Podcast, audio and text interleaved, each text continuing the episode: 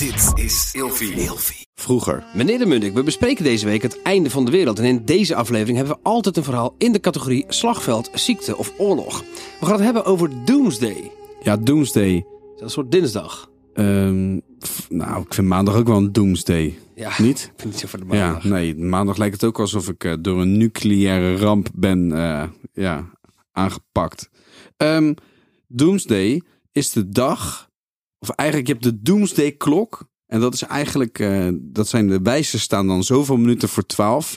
Het heeft te maken met het feit hoe wij met kernenergie omgaan. Ik heb hier nog nooit van En gehoord. kernbommen, hoeveel wij aan het produceren zijn. En het gevaar dat als dat dus afgaat, dat we onszelf opblazen.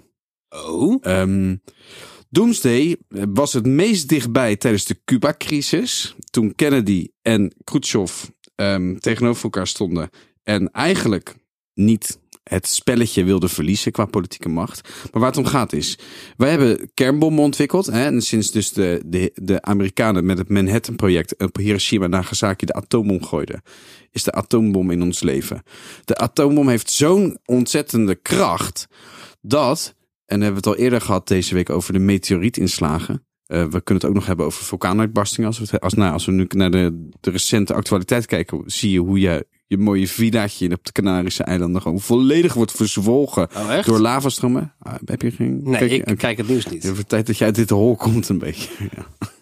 maar ehm, dus, wat er gebeurt is dat door vele atoomontploffingen zou dus de atmosfeer weer kunnen veranderen. En krijg je een soort nucleaire fallout. Hè? Nou, daar krijgen we gewoon kanker van door de straling. En al ons eten wordt besmet en alle dieren worden besmet. En zo eh, sterven wij dus uit. Hoe komt dit?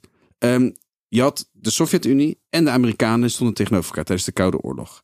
En wat ze hadden van, ze hadden het systeem, dat noemden ze ehm, de Mutual Assured Destruction. Oftewel, je gaat elkaar gel- gelijktijdig vernietigen. Als jij op de knop drukt en jouw raketten komen mijn kant op, dan vindt mijn radar, ziet al die raketten in de lucht. Dan druk ik ook op de knop dan gaan mijn raketten jouw kant op. En die, zijn En die raketten, die- ja, die, die raketten kruisen elkaar. En dan zijn we allebei vernietigd door een nucleaire aanval. En wij zitten er precies tussenin. Wij blijven leven. Wij blijven leven, maar door dus de nucleaire neerslag. Toen Tsjernobyl ontplofte, waren er zelfs, moesten de koeien in Nederland naar binnen, omdat anders ons gras radioactief werd. Ja, ja, door de ja. regen, een soort zure regen. Ja. Nou, wat er dus gebeurt, is dat, dat door dus die kernontploffingen, ja, vernietigen we onszelf. Einstein heeft ooit gezegd van de derde wereldoorlog wordt uitgevochten met atoomwapens en de vierde wereldoorlog weer met stokken en stenen. Doomsday. Tot morgen. Vroeger. Maar het is wel, het is wel heel erg verboden, toch? Kernwapens. Nee. De, de Russen hebben er 3000 of zo, 4000 kernraketten. Daarom doen ze elke keer overleggen en proberen ze landen als Iran en Noord-Korea van kernwapens af te houden. Omdat het levensgevaarlijk is. Ja, maar het mag toch niet? Eh, In zin ja, in, Ne- in Nederland liggen ook kernraketten opgeslagen bij vliegbasis Volkel gewoon. Die zijn Nee. van, jawel, van de Amerikanen zijn dat. Die liggen hier. maar waarom zou je een kernbom willen hebben? Voor het afschrik-effect. Oh ja, je schrikken doe je wel, ja. Eventjes. Blitz.